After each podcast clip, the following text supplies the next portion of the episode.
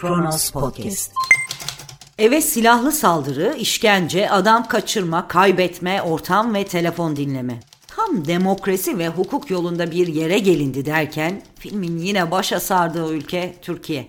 9 Aralık 2020 Çarşamba tarihli yorum seçkisine Kronos Podcast yayınından merhaba. Artı gerçekle başlıyoruz. Ayşe Yıldırım'ın sorusu. Devlet sapıklığı mı dediniz?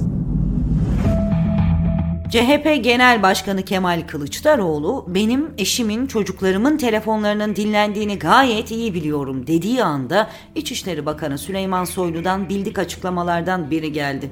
Kılıçdaroğlu'nu yalanlarken suçlamayı da ihmal etmedi Soylu. Kılıçdaroğlu'nun tamamen gündemi değiştirme çabasıyla yaptığı ve gerçekle hiçbir ilişkisi olmayan açıklaması devletimize ve güvenlik güçlerimizle ortaya konulan tüm mücadeleye iftiradır, bühtandır. Aynı zamanda devletimizi zafiyete uğratmaya da matuftur. Oldukça iddialıydı Soylu. Sanki bu ülkede onlarca, yüzlerce hatta binlerce insan yasa dışı bir şekilde dinlenmemiş gibi. İstihbarat birimlerinin yılda dört ayrı birim tarafından en az dört kez denetlendiğini söylerken Kılıçdaroğlu'na savcılığa gidin dedi. Bir gün sonra bu kez Habertürk yazarı Kübra Par'ın Kılıçdaroğlu'nun dinlenmediğine kimse inanmaz yazısına Twitter üzerinden yanıt veriyordu Soylu. Kübra Hanım, yazık üzüldüm adınıza. Hukukun izin vermediği kimse dinlenemez, ağır suçtur. Batı'nın aparatlarının devletimizi itibarsızlaştırmak için halkın endişe ve korkusundan faydalanma kurgusuna teslim olmuşsunuz. Batı'ya hayranlık duyup kendi devletine kem bakmak. Ben kendimi ortaya koyuyorum ya iftira sahipleri, ana muhalefet başkanının dinlenmesi de devlet sapıklığıdır. Bunun iddiası da korkunç bir iftiradır. Ve dün HDP'nin İstanbul il binasına böcek diye bilinen dinleme cihazlarının yerleştirildiği ortaya çıktı. HDP Grup Başkan Vekili Saruhan Oluç, parti binasında buldukları dinleme cihazlarını basın mensuplarına gösterdi. Oluç, Soylu'nun inkar ettiği dinleme tartışmalarına atıfta bulunurken, bu tartışmalara katkıda bulunmak istedik. Şu önümüzde gördüğünüz suç aletleriyle katkıda bulunmak istedik diyordu. Dinleme cihazlarının eş başkanların çalışma odalarında, kadın ve gençlik çalışma odaları ve toplantı odasındaki priz arkalarında, lambalarda ve bir de üçlü prizde bulunduğunu açıklıyordu.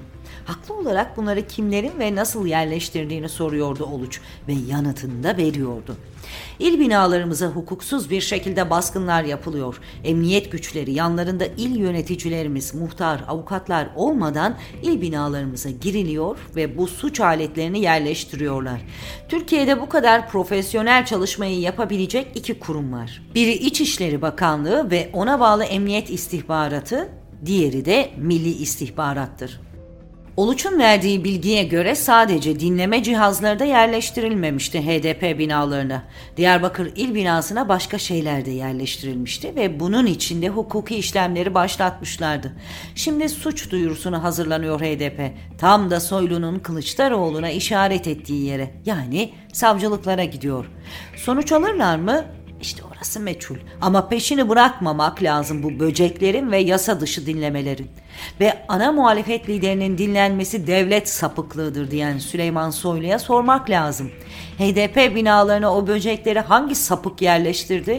Hangi sapık böceklerle legal bir siyasi parti binasındaki konuşmaları dinlemeye, hangi sapık o binalara başka şeyler bırakmaya kalktı?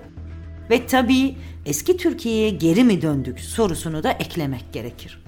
Malum 2018 Nisan'ında Ahmet Şık Cumhuriyet gazetesinde emrindeki polislerin Soylu'yu dinlediğini ve bu nedenle 7 polisin görev yerinin değiştirildiğini yazmıştı. Soylu'nun başında olduğu İçişleri Bakanlığı söz konusu haberle ilgili açıklamasında esas maksadı eski Türkiye'de olduğu gibi bu tip iddiaların ortaya konularak güvensizlik ortamı oluşturulmasıdır demişti. Yoksa bu devlet sapıklığını biz eski Türkiye'den mi tanıyoruz?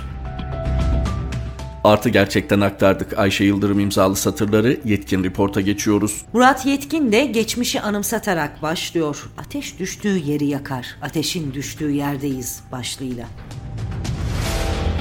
Başlıktaki müthiş cümle bana ait değil. O nedenle tırnak içine aldım. Salgın hastalıktan ekonomiye, dış politikaya dek 2020 sonundaki Türkiye'nin hemen her halini anlatan bu cümle Yavuz Önen'e ait. Önen, müsaadenizle sevgili Yavuz abi bu cümleyi 1991'de Türkiye İnsan Hakları Vakfı'nın yayınladığı ilk Türkiye İnsan Hakları raporunun ön sözünde kurmuştu. Geçenlerde vakfın 30. kuruluş yıl dönümünde yayınlanan raporun başlığı da hala aynı. Ateşin düştüğü yerdeyiz. Covid-19 salgını Türkiye'de ve dünyada hak ve özgürlükler mücadelesini de geriletiyor. O yüzden İnsan Hakları Evrensel Bildirgesi'nin kabulünün yıl dönümü olan 10 Aralık 2020'de ayrı bir anlam taşıyor. Düşünsenize bir yandan Cumhurbaşkanı Tayyip Erdoğan'ın tek adam yönetiminden, demokrasinin yargının kalitesini geriletmesinden şikayet ederken, diğer yandan salgını önlemek için sokağa çıkma yasağı ilan etmesini istiyoruz. Dünyanın her yerinde bu çelişki yaşanıyor. İnsan hakları, demokrasi ve adalete her zamankinden çok ihtiyacımız var ama bu hakları kullanabilmemiz için hayatta kalmamız lazım. Oysa tablo giderek kötüleşiyor. Salgın durdurulamıyor.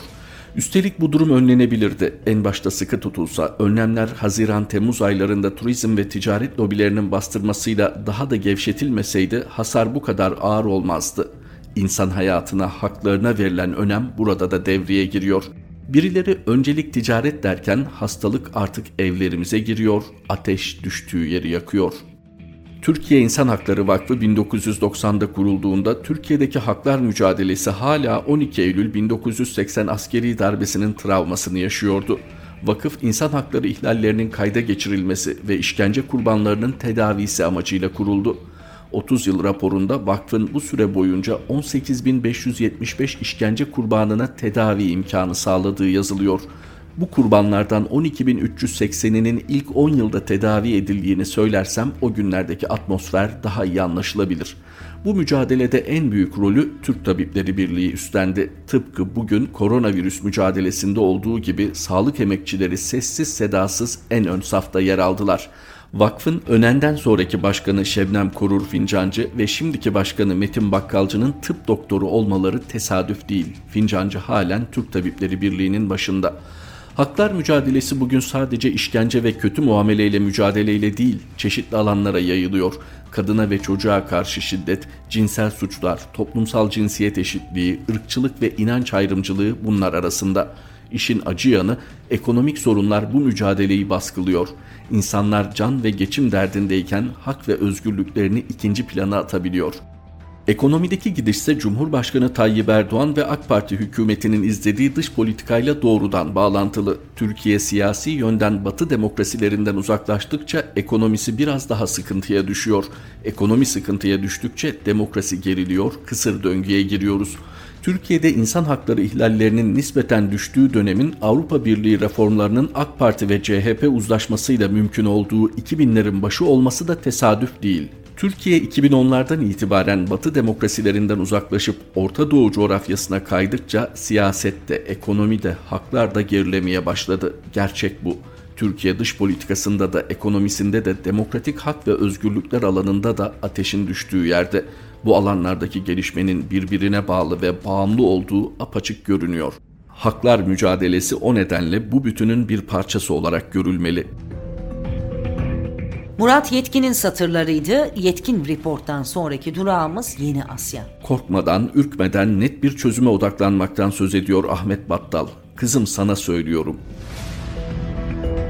Eskiden bütçe görüşmeleri Türkiye Büyük Millet Meclisi'nin en esaslı ve en şenlikli oturumları olurdu. Eleştiriler ve polemikler havada uçuşurdu. Millet ve siyaset meraklıları bu görüşmeleri heyecanla beklerdi. Biliyoruz iç çekiyorsunuz. O eskidendi. Yine bir bütçe dönemi geldi. Türkiye Büyük Millet Meclisi'nde bütçe görüşmeleri yapılıyor. Muhalefet yine azimli ve istekli ama durum bir garip. Hani evde dargın eşler aynı masadaki ya da aynı odadaki muhatabına çocuklar üzerinden mesaj verir ya Mecliste de öyle çocukça bir durum var. Oğlum babana söyle. Oğlum sen de babana söyle. Bütçeyi mecliste beni halk seçti diyen bir cumhurbaşkanının kimseye sormadan seçtiği bir yardımcısı sunuyor. Muhalefet partilerinin genel başkanları ya da temsilcileri konuşma yapıyor ve eleştiri ve tekliflerini sıralıyorlar. Ama iktidarın bir numaralı adamı ortalıkta yok. Oğlum babana söyle hesabı. Aynı durum milletvekillerinin tek denetim mekanizması olarak kalan sorular içinde geçerli. Milletvekili Cumhurbaşkanına soru soramıyor. İktidarınki zaten sormaz, soramaz. Hadi onu anladık. Muhalefet neden soramıyor? Cumhurbaşkanı yardımcısı denilen kişi cevaplama yardımcısı mıdır? Yetki ve sorumluluklar Cumhurbaşkanı'nda ama kendisi cevaplamaya tenezzül etmeyen bir pozisyonda. Bu öyle bir sistem ki muhalefet ciddi işlerin hesabını soracak doğru bir muhatap bulamıyor. Neden? Anayasal sistemimiz böyle. Neden böyle? Cevap yok. Aslında var da dolaylı. Yani kral hazretlerine soru mu sorulabilir kardeşim nevinden? Cevap yok üzerine kurulu bir garip sistem. Böyle bir sistemin siyasi gerilim üretmemesi mümkün müdür? Böyle bir sistem denetim içerebilir mi? Denetim olmadan devlet devlet olur mu? Dargın ana babalar arasında mesaj aracılığına zorlanan o oğul artık yeter konuşun birbirinizle diyecek ve demeli. Ey muhalefet ne olursunuz birleşin, çare bulun ve öncelikle milleti bu garip sistemden kurtarın. Çare belli. Parlamenter demokrasiye yeniden dönüş. Çare belli. Bir anayasa taslağı ortaya koymak. Korkmadan, ürkmeden, net ve şeffaf biçimde. Ahmet Battal'ın yazısıydı. Yeni Asya'dan aktardık. Evrensel var sırada. Futbol sahalarında, tribünlerde, medyada hiç yabancısı değiliz ırkçılığın. Ne var ki bu konuda bile tarafgirlik ağır basabiliyor. PSG Başakşehir tarihi eylem, tarihi riyakarlık diyor Mithat Fabian Sözmen. Şampiyonlar Ligi H grubu son maçında PSG Başakşehir müsabakası 14. dakikada durduruldu. Maçın Romanyalı hakemi Ovidio Hatega'nın kararlarına kızan Başakşehir kenar yönetiminin tepkisi üzerine 4. hakem Sebastian Coltescu Başakşehir'in yardımcı antrenörü Pierre Vebo'ya kırmızı kart göstermesi için Hatega'na telkinde bulundu. Coltescu Vebo'yu tarif etmek için kendi dilinde siyah anlamına gelen negro ifadesini kullanınca Başakşehirli ve PSG'li oyuncular hakemin ırkçılık yaptığını belirterek soyunma odasına gitme kararı aldı. Coltescu kötü bir niyeti olmadığını, Negru'nun kendi dilinde siyah anlamına geldiğini söylese de Başakşehirli Dembaba'nın o sırada verdiği ders başka herhangi bir şey söylemeyi gerektirmeyecek kadar açık. Beyaz birisi hakkında konuşurken ona beyaz insan değil, insan diyorsunuz. Peki neden siyah biri hakkında konuşurken siyah insan diyorsunuz? Gelelim sosyal medyadaki riyakarlık senfonisine. Olay anından itibaren AKP'sinden MHP'sine bugüne kadar ülke içerisinde Kürtlere, Ermenilere, Suriyelilere, Alevilere sayısız azınlığa her türlü ayrımcılığı yapanların bir anda ırkçılık karşıtı mesajlar paylaştığına tanık olduk. Tabii ki insanların aklına bu ülkede her gün karşılaştıkları ayrımcılıklar, siyasetin günlük şoven dili geldi. Ahmet Spor'a, Cizre Spor'a yapılanlar, Deniz Naki'nin futbol hayatının bitirilmesi, IŞİD'in Ankara katliamı sonrası Konya'daki ıslıklamalar, tekbirler, karakolda işkenceyle öldürülen Festus Okeyler, linç edilen Kürt tarım işçileri, Suriyeli mülteciler. Akla gelen bir başka isim İngiltere ve Türkiye'de 3 ayrı ırkçılık olayıyla suçlanan Didier Zokora'ya ettiği ırkçı küfür nedeniyle hapis cezasına çarptırılan, buna rağmen yıllarca Başakşehir'in kaptanlığını yapan, bugün de Fenerbahçe futbol takımının en yetkili isimlerinden biri olan Emre Belözoğlu'ydu. İşin en acı yanı Emre Belözoğlu'nun hapis cezasının ertelenmesi gibi ırkçılığın en fazla geçiştirildiği bir ülkede memlekette olup biten ırkçılıkların sorumlularının bu meseleye de tamamen şoven siyasi kaygılarla yaklaştığını bilmemiz. NTV yorumcusu ve Cumhurbaşkanı Erdoğan'ın yakını Rıdvan Dilmen, hadiseye dair yaptığı komik açıklamada Katar hanedanının sahibi olduğu Paris Saint Germain'i paranteze almak gerektiğini belirtiyor ve olayın Fransa Cumhurbaşkanı Macron açısından da cezası olması gerektiğini söylüyor. Anlaşılan bizim cingöz yerli milli tayfamız mesele Fransa'da geçiyor diye bir an için bu olayın Erdoğan'ın arasının limoni olduğu Macron'u sıkıştırmanın bir vesilesi olabileceğini düşündü.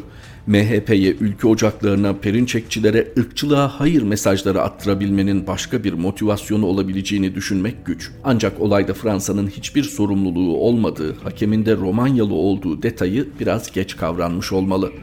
Anlayacağınız sosyal medyadaki göz yaşartan örgütlenmenin memleketimiz açısından umut beslenecek bir tarafı yok. Türkiye'nin ırkçılık konusundaki ikiyüzlülüğü yoluna güçlü bir şekilde devam ediyor. Ancak dünya genelindeki statlarda bundan sonra yaşanması muhtemel ırkçılık hadiselerinde oyuncuların ne yapması gerektiği açıkça ortaya kondu.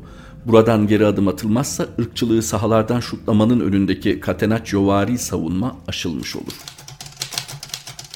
Mithat Fabian Sözmen'in satırlarını aktardığımız Evrensel bu birlikteliğimizdeki son durağımızdı. Gülden Gülbatı Bayşahin ve Mehmet Şahin yeni yorum seçkimizde Kronos Podcast yayınında tekrar buluşmak üzere. Hoşçakalın.